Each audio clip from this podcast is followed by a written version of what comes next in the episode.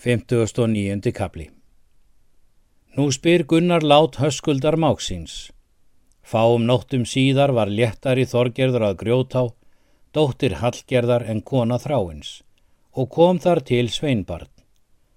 Sendi hún þá mann til móður sinnar og bað hana ráða fyrir hvort heita skildi eftir glúmi föður hennar eða eftir höskuldi móður föður hennar.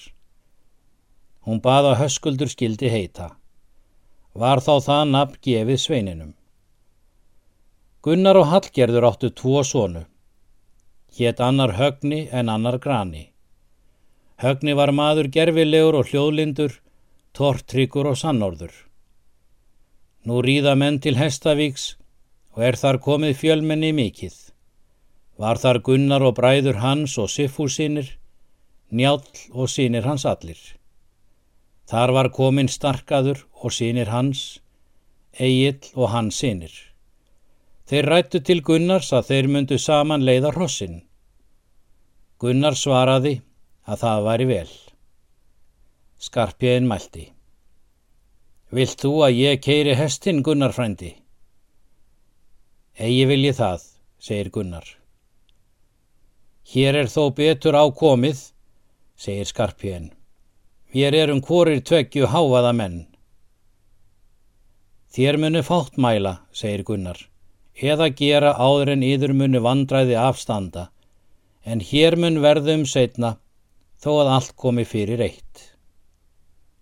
Síðan voru hrossin saman leitt. Gunnar bjósi að keira en skarpjön leiti fram hestin. Gunnar var í rauðum kirtli og hafði digurt silfurbelti um sig og hestast af mikinn í hendi.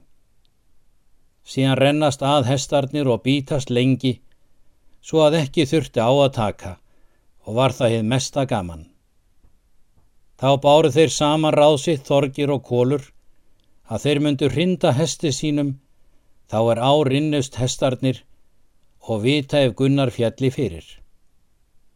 Nú rennast á hestarnir og hlaupa þeir þorgir og kólur þegar á lend hesti sínum og hrinda sem þeir meiga. Gunnar hrindir nú og sínum hesti í móti og verður þar skjótur atbyrður, sá að þeir þorgir fjallu báður á bak aftur og hesturinn á þá ofan. Þeir sprett upp skjótt og hlaupað Gunnari. Gunnar varpar sér undan og þrýfur kól og kastar honum á völlin svo að hann liggur í óviti. Þorgir Starkaðarsson laust hesti Gunnars svo að út hljóp augað. Gunnar laust Þorgir með stafnum, fellur Þorgir í óvitt. En Gunnar heggur til hest síns og mælti við kolskegg.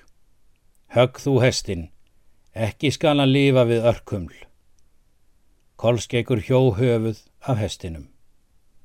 Þá komst á fætur Þorgir og tók vopp sín og vildi að Gunnari, en það var stöðvað og var þraung mikil. Skarpiðin mælti. Leiðist mér þó þetta og er miklu drengjalegra að menn vegist með vopnum. Gunnar var kyrr svo að honu hjælt eitt maður og mælt ekki orð, það er áfátt væri. Njál mælti að þeir skildu sættast og setja grið.